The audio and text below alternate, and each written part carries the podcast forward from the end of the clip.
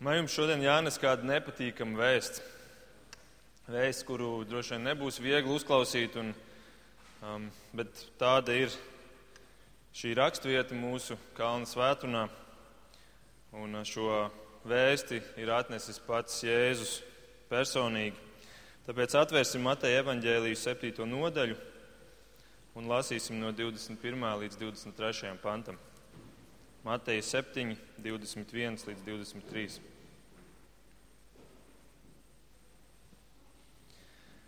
Ne ik viens, kas man saka, kungs, kungs, ieies debesu valstībā, bet tas, kas dara mana debesu tēva gribu. Daudzi tajā dienā man sacīs, kungs, kungs, vai mēs tavā vārdā nepravietojām, vai mēs tavā vārdā neizdzinām dēmonus, vai tavā vārdā daudzus brīnumainus darbus nedarījām. Un tad es tiem apliecināšu, es jūs nekad neesmu pazinis. Nos no manis, jūs ļauna darītāji. Un, ja es šeit iedod kādu ieskatu nākotnē, tas nav tikai kāds princips vai kāda līdzība.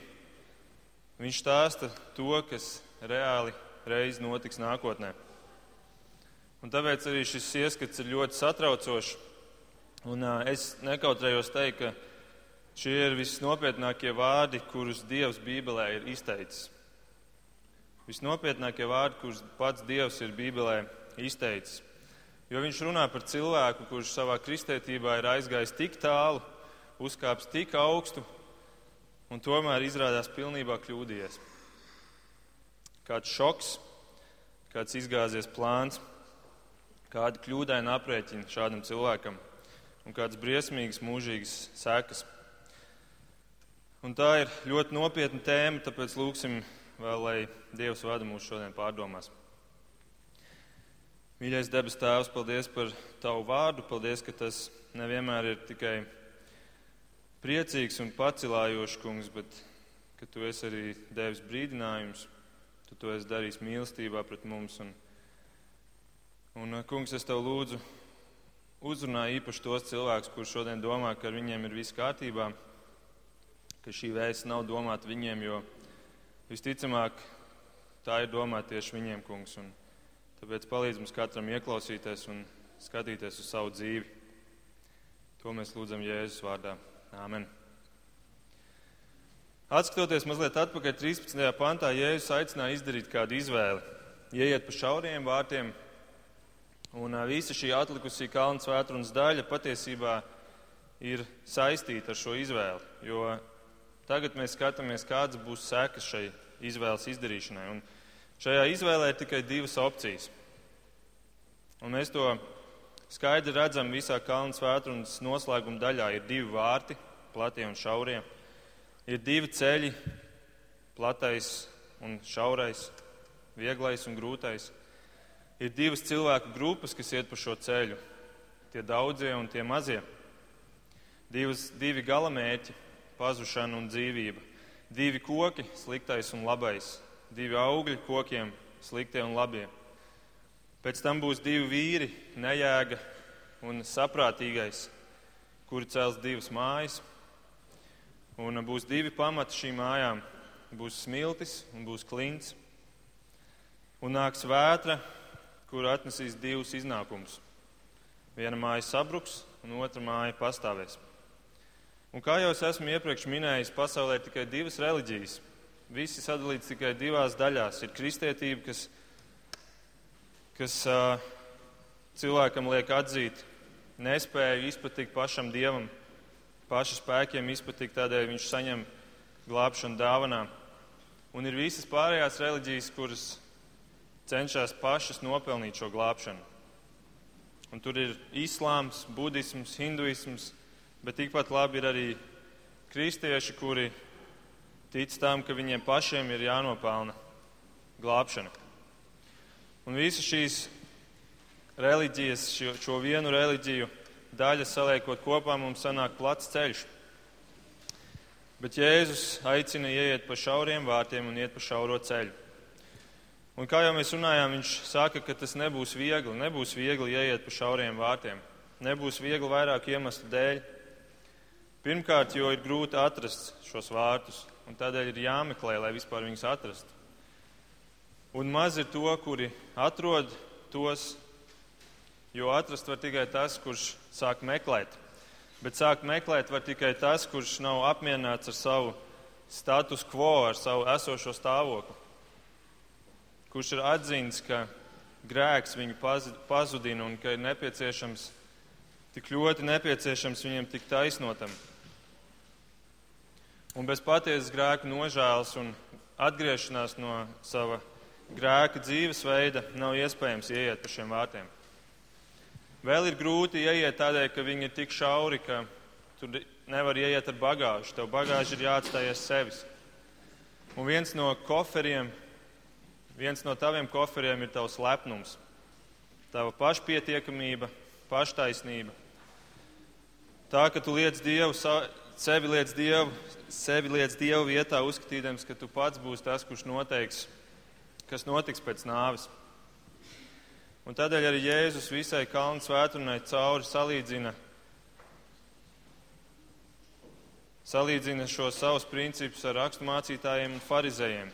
Viņš paņēma tos visreliģiozākos cilvēkus. Viņš paņēma cilvēku visaugstāko standartu, un beigās viņa diagnoze skan šādi: Matei 5.20. Ja jūsu taisnība nav pārāk par rakstu mācītāju un farizēju taisnību, tad jūs neiesiet debesu valstībā.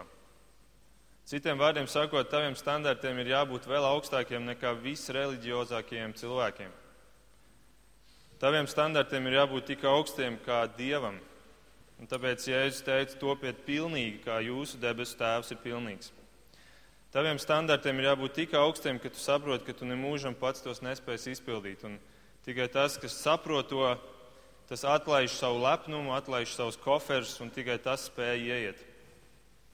Tātad grūti ir, jo ir jāmeklē šie vārti un ir, ir un lepnums ir tas, kas neļauj to darīt, bet ir vēl kāds iemesls.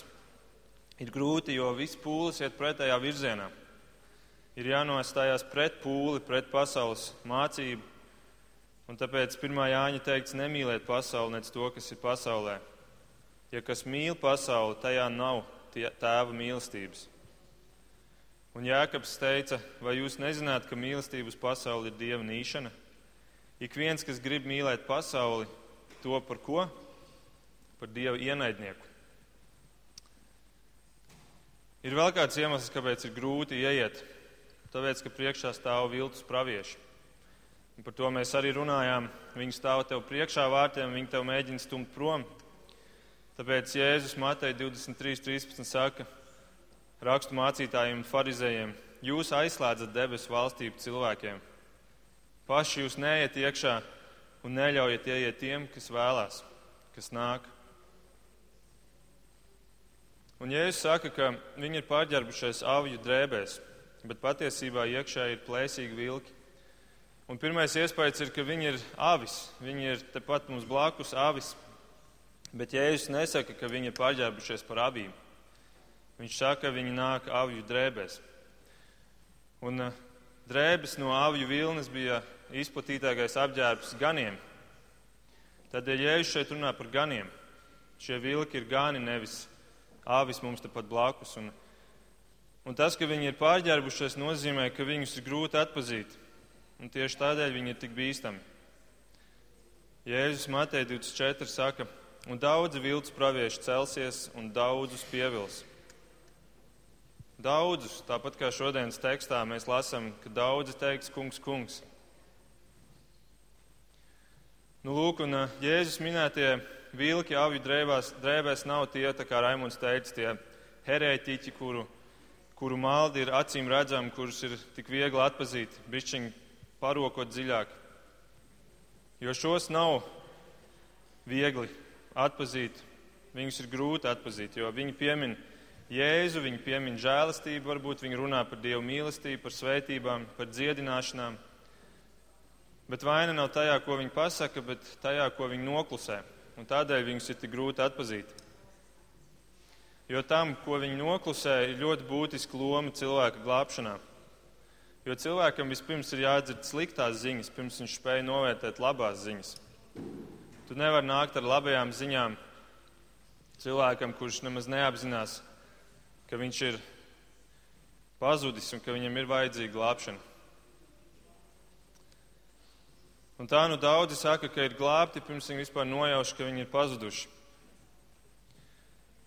Labi, bet kā tad mēs šos viltus praviešus varam atpazīt un kā šos vilkus varam atpazīt? Un, un kritērijs vienmēr ir bijis vecajā derībā un arī jaunajā derībā, vai tas, ko viņi runā, atbilst Dieva vārdam.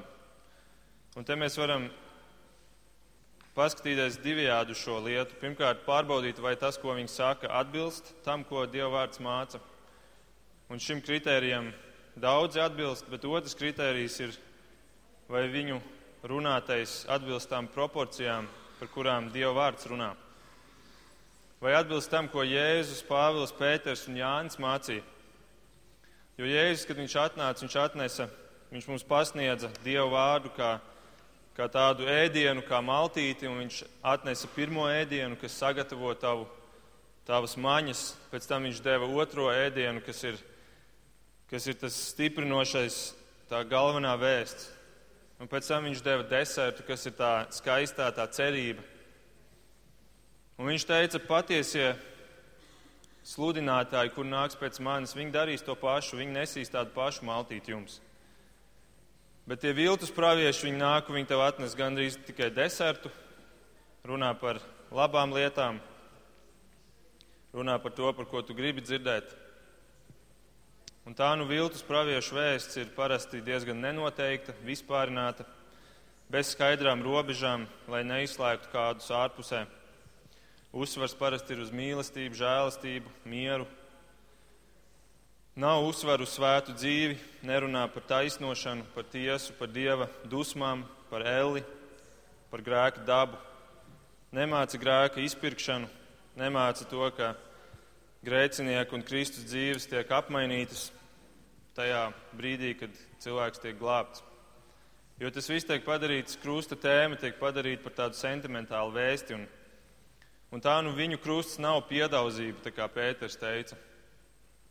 Viņi neaizskar nevienus, viņi tādēļ netiek kritizēti un savas vēsts dēļ viņi arī nepiedzīvo vajāšanu. Citiem vārdiem sakot, viņi nesludina šauros vārtus. Viņi sludina platus vārtus un ceļu vieglu un patīkamu vēsti. Un tā nu Jeremija, kurš tik daudz runāja par viltus praviešiem, sastajā nodaļā saka, tie grib manas tautas vainu pavirši dziedināt, sacīdami miers, miers, kur miera nav. Un piektajā nodaļā viņš saka, pravieši sludina melus un priesteri iet ar tiem roku rokā, un manai tautai tas patīk. Manai tautai tas patīk. Tādēļ, lai aizsargātos un lai saprastu, kas ir šie, šie draudi, kuri stāv priekšā un varbūt man nekad nav ļāvuši ieiet pa šauriem vārtiem, Lai aizsargātos, ir svarīgi domāt nevis tikai ar savu sirdi, bet ar prātu. Ja tu, piemēram, gribi aizsargāt savu māju no zagļa, tu neteiksi, hmm, gan jau es jutīšu, kad viņš tosies. Nē, tu ieslēgsi savu prātu, tu domāsi, mēģināsi izšķirt, mēģināsi nodrošināties. Un tādēļ, ja es saku uzmanieties no šiem viltus praviešiem, un tu to nevari darīt tikai ar sirdi, tev tas ir jādara ar prātu. Labi, ar grūti ir ieiet pa šauriem vārtiem šo visu iemeslu dēļ, bet ir vēl viens iemesls. Viltus pravieši un viltus mācītāji gan apmāna, bet ir vēl viena lieta, kas vēl vairāk cilvēkus apmāna. Un tā lieta ir pašapmāns. Pašapmāns. Un tas ir, tā ir tā centrālā doma šodienas tekstam, Jo Jēzus saka, ka mēs varam paši sevi apmānīt, iestāstot, ka mēs esam kristieši. Un Jēzus nesaka, ka tā ir tāda nu, reta parādība, ka cilvēki varētu sevi paši apmānīt. Viņš nesaka šodienas tekstā, daži sacīs, vai arī kādi teiks, vai arī viens otrs nāks un to teiks. Viņš saka, daudzi. Un tā statistiski ņemot, Kāda arī no tiem daudziem šodien ir šeit? Daudzi. Un tādēļ ir arī daudz brīdinājumu par to Bībelē. Un viens no tiem brīdinājumiem bija tas, ko Girts lasīja ievadā, Matei 25. Tur mēs lasījām par desmit jaunavām. Viņām visām ir lūgturis, viņām visām ir šī ārējā daļa, sava ticība, sava reliģija. Bet izrādās tikai piecas no viņām ir paņēmušas līdzi eļļu, to iekšējo daļu, to spēku savai reliģijai, savai ticībai. Un tad viņas guļ, jo viņas jūtās tik drošas. Un tikai tad, kad ierodās līgavainas, tikai tad viņas attopās. Un tad viņas skrien pirkt šo eļu, un tad, kad viņas atgriežas, tad izrādās durvis jau ir aizslēgtas. Un tad viņas saka tāpat kā šodienas rakstvietā: Kungs, kungs, kungs, kungs, atver mums! Bet Jēzus saka, es jūs nepazīstu. Redziet, šie ir cilvēki, kuri paši sevi ir apmānījuši. Viņi dzīvo ar viltus mieru. Un tādēļ ir tik svarīgs jautājums jāuzdod, kas tad ir tas, kas ieved viņus šādā pašapmānā.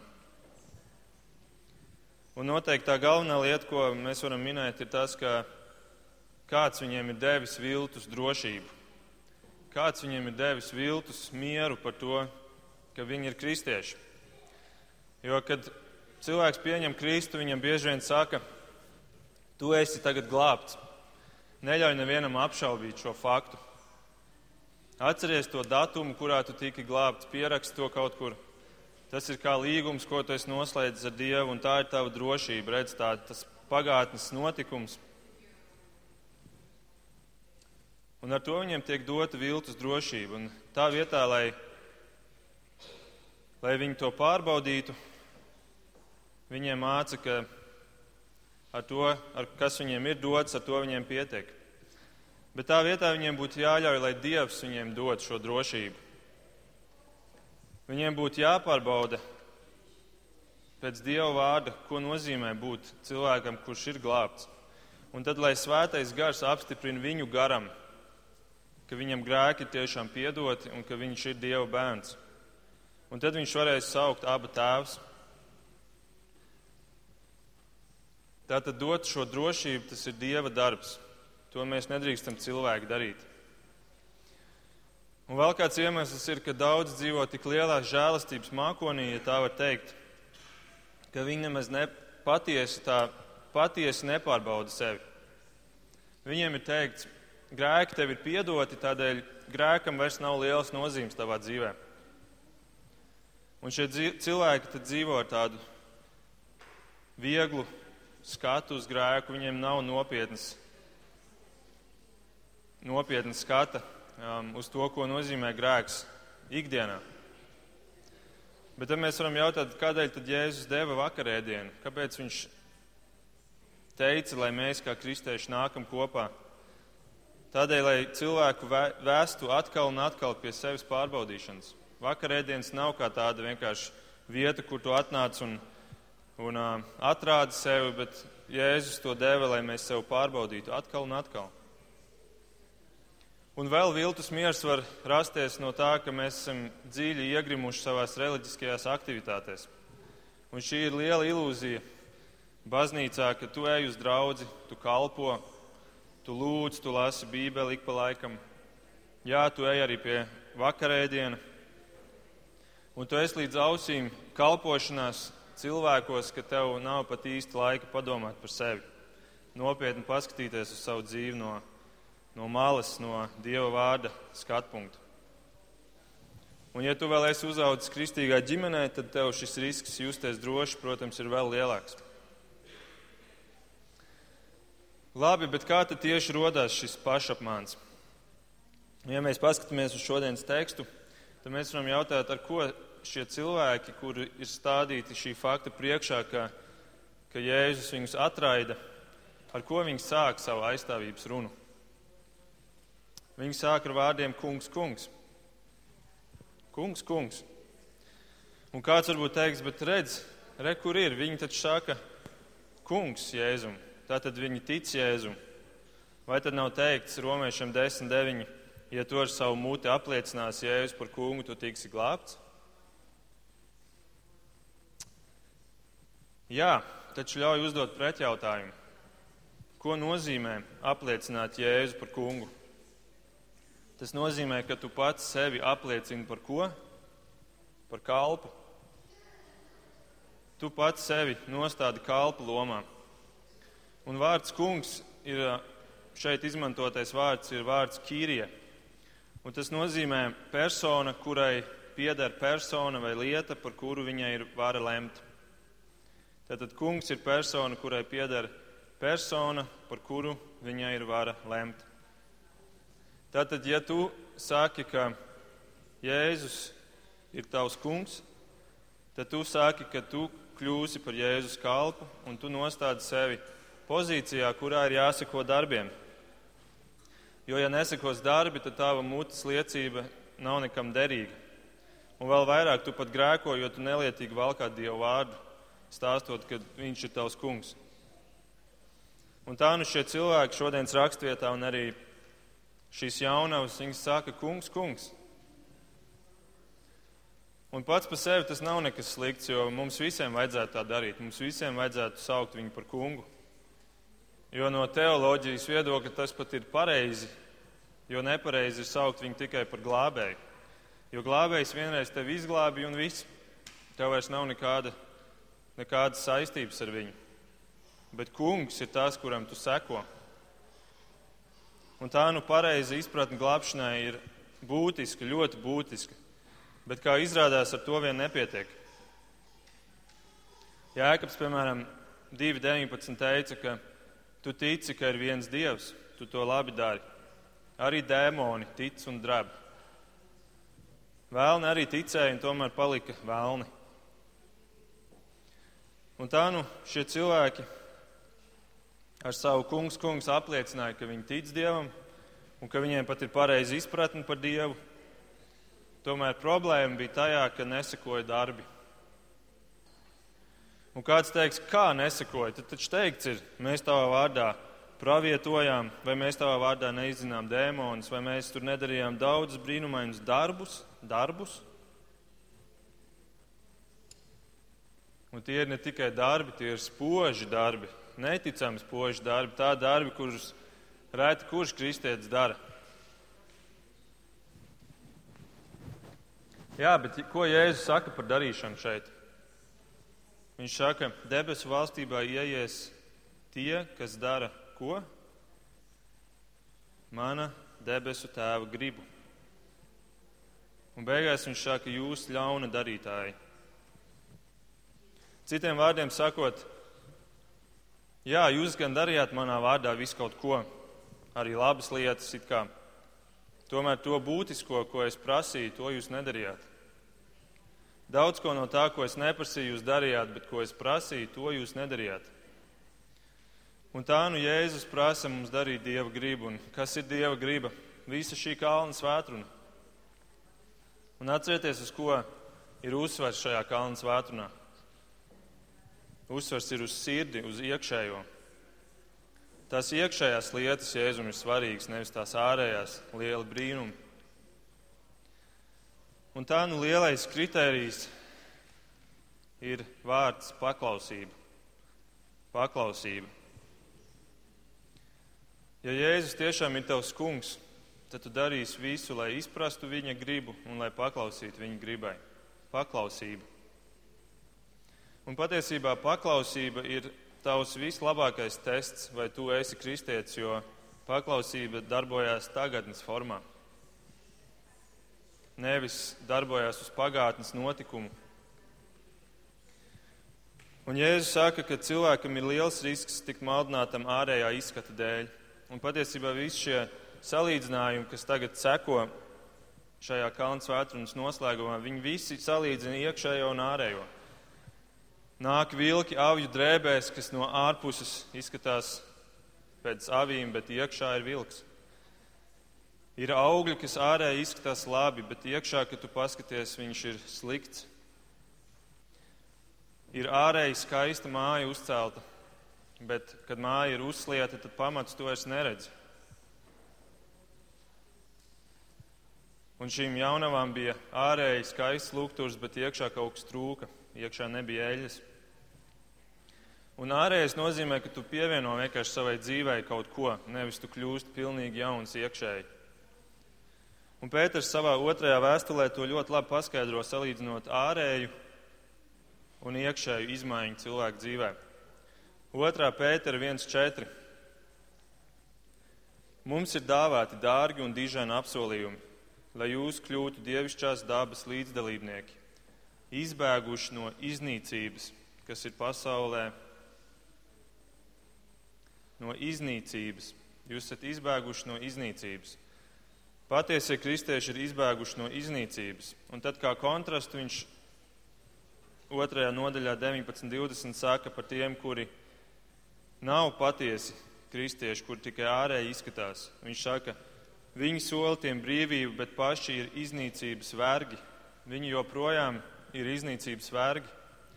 Un tas, kas kādam zaudējis, kļūst tam par vergu.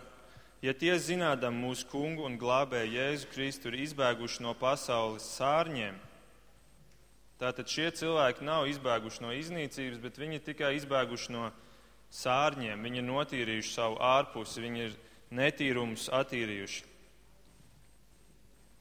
Ja nu tie izbēguši no pasaules sārņiem, bet atkal sapinušies tajos ieslīgst, tad viņu stāvoklis ir sliktāks nekā sākumā. Tātad viņi nomazgājās, morāli attīrās, tomēr viņi nav izbēguši no iznīcības. Un te mēs redzam, ka ticība vien vēl neko daudz neparāda, ne, nepasaka. Puritāņi cilvēkus, kuri atgriezās un kuri pēc kāda laika atkal aizgāja pasaulē, viņi sauc par īslaicīgiem ticīgiem. Jo šie puritāņi viņi izvairījās jauniem kristiešiem uzreiz uzspiest to apstiprinājumu zīmogu. Viņi ļāva, lai laiks pārbauda. Un, ja laiks rādīs, ka viņi nes patiesos atgriešanās augļus, tad nāks arī drošība viņu dzīvē par to, ka viņi ir tiešām izbēguši no iznīcības, nevis tikai attīrījušies no netīrumiem. Un tādēļ Jāņa evanģēlijā 8. nodaļā 30. un 31. ir teikts, Kad viņš to visu runāja, Jēzus, kad Jēzus to visu runāja, daudzi, atkal daudzi sāka ticēt viņam. Tad Jēzus sacīja jūdiem, kas ticēja viņam, ko viņš teica. Kā jums liekas, viņš teica, man prieks, ka jūs sākāt ticēt, es jūs apsveicu. Nē, viņš teica, ja jūs paliekat manos vārdos, tikai tad jūs patiesi esat mani mācekļi. Un tā nu Jēzum ir vienalga, ja, ko tu mutiski apliecini, ja tu nebūvēji savu dzīvi uz, uz paklausību viņa vārdiem, Dieva vārdam. Un ar to ir domāts viss Dieva vārds, jo mēs kristieši bieži vien domājam un sakam, ka es jau dzīvoju uz Dieva vārda pamata. Tas kriterijs ir, vai viss Dieva vārds no sākuma līdz galam ir tas, ko tu esi gatavs darīt. Jo daudzi seko Jēzum, tāpēc ka Jēzum ir skaista puse, kura nes svētību un, un prieku. Bet Jēzum ir arī kāda otra puse, kas runā par, par to, ka tev ir jāatstāj savu vecā dzīve un ir jādara lietas, kuras ir grūti darīt. 5. mūzes 13.1 ir teikts, visu, ko es jums pavēlu, jums būs turēt un darīt Neko tev nebūs pie tā pielikt un nekā no tā atņemt. Un nepietiek tikai teikt, jā, kungs, es pildīšu, es pildīšu visu. Un tad sāks šķirot, ko tu pildīsi un ko tu nepildīsi. Jo nepildīt visu ir arī nepildīt. Mēs varam lasīt Mateja 21 līdzību, kur Jēzus runā par diviem brāļiem. Viņš saka, kādam cilvēkam bija divi dēli. Viņš gāja pie pirmā un lūdza, dēls, ej šodien strādāt vīna dārzā. Bet tas atbildēja, es negribu. Tomēr vēlāk nožēlojis, viņš aizgāja. Tad tēvs devās pie otra dēla un lūdza to pašu. Tas viņam atbildēja, jā, kungs, tomēr negāja. Kurš no šiem diviem rīkojās pēc tēva gribas? Tie viņam atbildēja pirmais. Jēzus sacītiem: Patiesi es jums saku, muitnieku un netiklis drīzāk nāks debesu valstībā nekā jūs. jūs, kuri sakāt un nedarāt. Ārišķīgi izskatāties labi, jo jūs sakāt jā, bet iekšēji jūs neesat gatavi to darīt. Tātad vārdiem nav nozīmes, ja neseko darbi. Un, protams, darbi nav jādara tādēļ, lai mēs tiktu glābti, bet ja mēs esam glābti, tad mēs gribēsim to darīt. Tad mūsu lūkšana būs tā kā Jēzus mācīja. Mūsu Tēvs debesīs svētīts, lai top tavs vārds caur manu paklausību. Lai nāk tavu valstību caur, caur manu dzīvi, caur maniem darbiem. Lai tavs prāts notiek, nevis mans prāts notiek. Un ja arī reizē mums nesanāk, tad Jēzus turpina piedod mums mūsu parādus. Jo Dievs ir žēlsirdīgs Dievs un Viņš piedod. Labi, bet kā mēs varam atpazīt tos, kuri ir pievilti, vai vismaz kuri varētu būt pievilti? Un te atkal neskatīsimies uz citiem, skatīsimies uz sevi. Un es minēšu dažas riska grupas, kuras Mārtiņš Lloyds Jones uzskaita. Tās ir riska grupas, protams, ne visi ir pievilti, bet šajās riska grupās ir palielināts risks, ka tu, ka tu vari uzticēties lietām, kuras, kurām nav būtisks nozīmes. Pirmais, piemēram, vai viņi meklēs sajūtas, ārējas izpausmes, pieredzi, dziedināšanu, eņģeļus, brīnumus. Kādēļ šāds kritērijs? Tādēļ, ka iespējams viņi vairāk būs ieinteresēti ticības blakus produktos nekā pašā ticībā. Viņi būs vairāk ieinteresēti, ko viņi sev var saņemt no šīs ticības, nekā dot godu Dievam, dot, lai Dievs var saņemt godu. Viņi vairāk būs ieinteresēti sevi celt, nekā pagodināt Kristu. Vēl kāda grupa Vai viņi ir vairāk nodevušies konfesijai, draudzes organizācijai nekā Dieva vārdam? Jo varbūt viņiem kristietība ir tīri sociāla lieta, nākt kopā. Un tad parasti lielāks uzsvers ir uz organizēšanu un uz struktūru nekā uz Dievu un Dievu vārdu. Vairāk runā par organizēšanu, kalpošanām nekā par glābšanu. Vēl kāda riska grupa - tie, kuri nāk un teoloģiju studē ar tīri akadēmisku interesi. Viņi studē teoloģiju, raksta grāmatas, bet viņi ir vienaldzīgi par Kristus taisnību.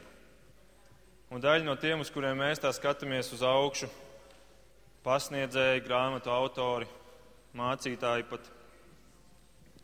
Daļai no viņiem ir tīri intelektuāla interese, un tāpēc arī mēs nedrīkstam automātiski pieņemt, ka šie cilvēki ir tas paraugs glābšanai, jo viņi var būt tikpat apmānīti kā šie daudzie šodienas tekstā.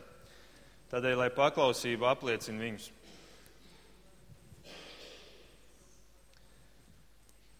Vēl kāda riska grupa - tie, kuri ir uzsēdušies uz kaut kādas vienas teoloģiskas tēmas un visu laiku atgriežas pie tās.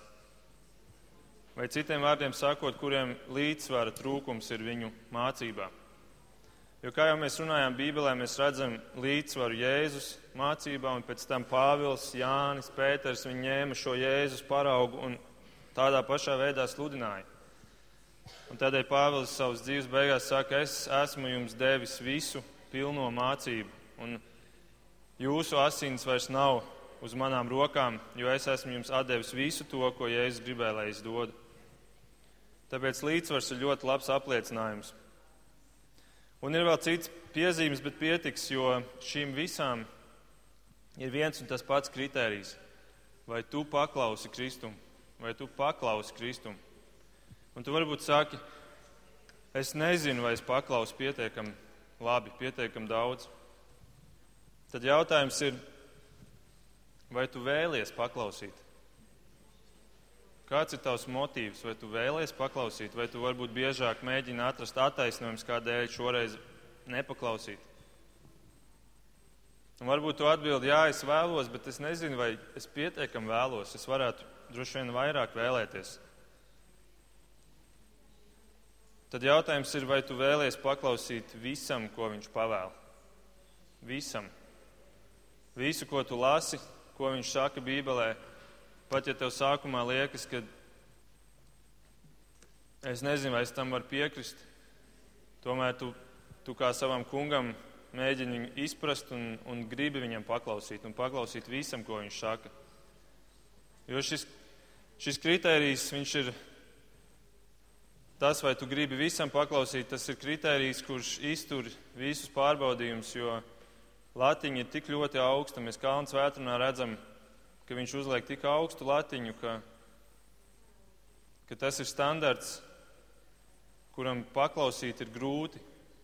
Bet, ja tu saki, ka tu to vēlies, tad, uh,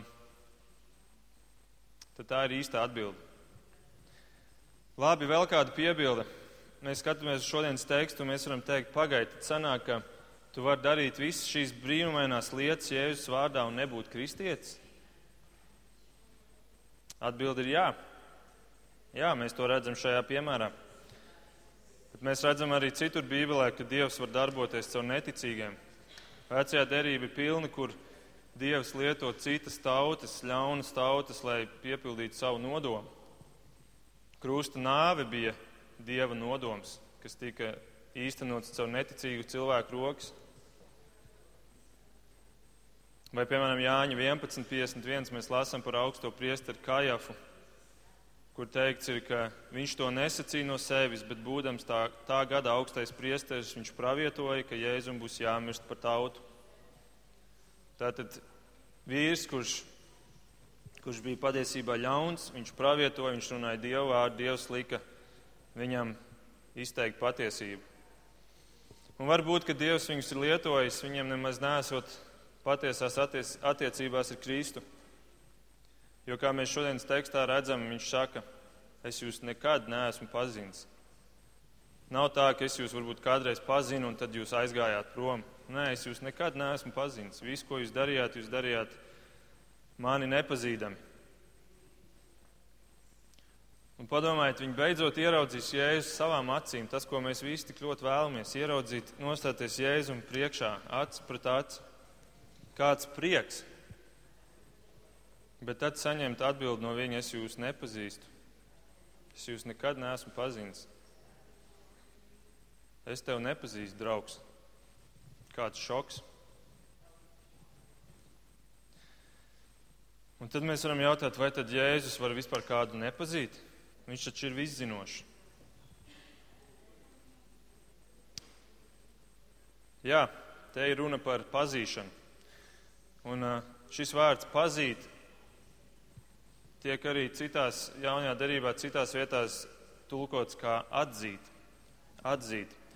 Un vecajā derībā, ebreju valodā atzīt vārds tiek lietots piemēram 1. mūža 4. nodaļā. Ādams atzina ievu un dzemdēja kainu, un kains atzina sievu, savu sievu. Tad te mēs redzam, ka te ir runa par dziļām, intīmām attiecībām, personīgām attiecībām. Tā nav tikai zināšana, tā ir pazīšana. Un tā nu Jēzus saka Jāņa 10, 14. Es esmu labais gans un es pazīstu savus avis. Un avis pazīst mani. Un Jēzus varētu teikt, man nekad nav bijušas patiesas attiecības ar tevi. O jā, tu gan te biji visu laiku apkārt, tu dziedāji dziesmas par mani, tu lietoji manu vārdu lūgšanās, tu pat darīji kādus skaistus darbus manā vārdā. Bet kā, tām, kā ir ar tām īstajām lietām, tās, kuras man patiešām rūp? Vai tu par viņām vispār zini? Cik ļoti tu vēlējies mani iepazīt? Cik ļoti tev rūpēja tas, ko es mācīju, un izprast to, ko es mācīju? Ja tu būtu mīlējis mani, tu būtu vēlējies satvērt katru vārdu, kur es tev devu. Tāpat kā puisis, kurš pārlasa savus draudzenes mīlestības vēstuli atkal un atkal, katru teikumu, kamēr viņš ir sajūtis viņas sirdī aiz šiem burtiem. Es nevēlējos būt tāds, kādu tu iedomājies. Es vēlējos būt tāds, kāds es esmu. Es vēlējos, ka tu mani pieņem tādu, kāds es esmu. Un es vēlējos tevi, tevi visu, tavu attieksmi, tavu sirdi, tavus darbus, nevis tikai tavus vārdus. Un tā nu Jēzus saka, es tevi nekad neesmu pazinis. Un kad tas ir pateikts, kad šādi vārdi ir atskanējuši, tad šoks ir tik dziļš, ka tu, man liekas, nākamo teikumu vairs nemaz nesaklausi. Nākamais teikums ir nos no manis. Nos no manis jūs ļauna darītāji. Jo nedarīt dieva gribu, tas arī ir ļaunums, pat ja mūsu acīs izskatās, ka tas nemaz tik ļauni nav. Jo, ja es saku, kas nav ar mani, tas ir pret mani. Nedarīt dieva gribu nozīmē būt pret Kristu. Lūk, tas viss notiks tanī dienā, kā te ir teikts, tanī dienā. Un tanī dienā nozīmē tiesas diena. Un Pāvils 1. korintiešiem 3.13 saka, ik viena darbs kļūs redzams, tā diena to parādīs. Tātad tiesas diena būs lielo pārsteigumu diena. Tiesas diena būs lielo pārsteigumu diena. Un šī ir nepopulāra vēsts, bet šie ir Dieva dēla vārdi. Viņš tos izvēlējās, un viņš par tiem runāja ļoti bieži. Mēs par viņiem dzirdam ļoti reti mūsdienās. Un Jēzus tos neteica tāpat vien painformēšanai, lai tu zini, ka kādu dienu kaut kādas tādas lietas notiks. Nē, viņš to teica tev, klausītājiem, lai aicinātu tevi atgriezties no savas vienaldzības, no savas virspusības, no savas sekluma, no savas steidzīgās pieejas kristietības un pieiet nopietni savai dzīvei, pārcilāt akmeņus, lai pārbaudītu tos neredzamos pamatus. Un tas jautājums ir, vai tu esi gatavs paklausīt? Paklausīt visam, vienmēr arī tad, kad ir neizdevīgi. Jēzus neaicina tikai ticēt viņam, viņš aicina ticēt un tad pierādīt ar paklausību. Un šis aicinājums skan šodien, un šodien tev vēl pieder. Un tu vari būt drošs, ja tu šodien nāc pie Jēzus, viņš tev neatstums, viņš tavus durvis neaizvērs. Jo tie ir viņa vārdi, kas skan Jāņa 6 Nevienu, kas nāk pie manis, es nedzīšu prom. Nevienu, kas nāk pie manis, es nedzīšu prom. Bet, draugi, pienāks diena, kura tev vairs nepiederēs. Un, ja tajā dienā viņš pateiks nos no manis, tad atpakaļ ceļa vairs nebūs. Tādēļ, kā jau esmu teicis, Bīskaps Rails ir teicis, šodien ir dieva diena, rītdiena vēlna diena.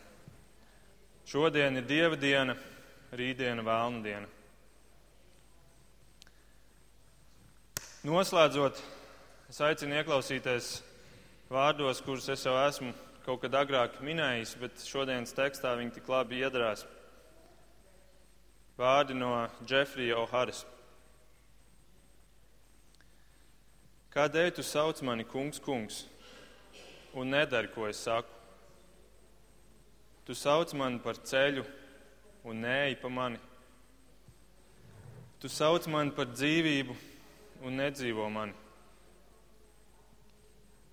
Tu sauc mani par skolotāju un neklausi mani. Ja es tevi nosodīšu, nevaino mani. Tu sauc mani par maizi un nēd mani.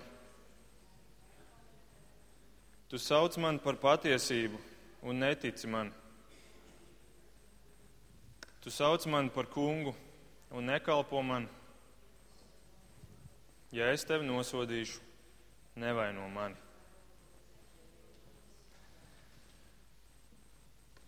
Mīļais debes Tēvs, paldies, ka Tu neatnāci tikai atnest šo dzīvības vārdu, bet Tu zināji, kungs, ka būs ienaidnieks sātens, kurš mēģinās šo dzīvības vārdu noviltot, padarīt par kaut ko pietiekami līdzīgu, lai daudz cilvēku to viņa versiju pieņemtu un pēc tās dzīvot un justies droši. Bet, kungs, paldies, ka tu arī brīdini par to, ka tu, ka tu saki arī un dod arī ieskatu nākotnē, kungs. Un, Lūdzu, kungs, dod, lai no tiem, kas ir šodien šeit un kas dzird šo, šos vārdus, ka neviens nepalikt vienaldzīgs un neviens, kurš dzīvo ar šo viltus mieru, neturpinātu to darīt, kungs, bet ka mēs varētu pārbaudīt savu dzīvi tā, kā tu uz to skaties, kungs, ka mēs varētu pārbaudīt, kā ir ar mūsu paklausību tev. Mēs vēlamies tev klausīt, kungs, lūdzu, palīdzi mums. Lūdzu, piedod mums, ka mēs to tik bieži darām, tik nepilnīgi. Bet mēs vēlamies to darīt. Vienmēr un visur, kungs. Paldies Tev! To mēs Jēzu lūdzam Tavā vārdā. Āmen!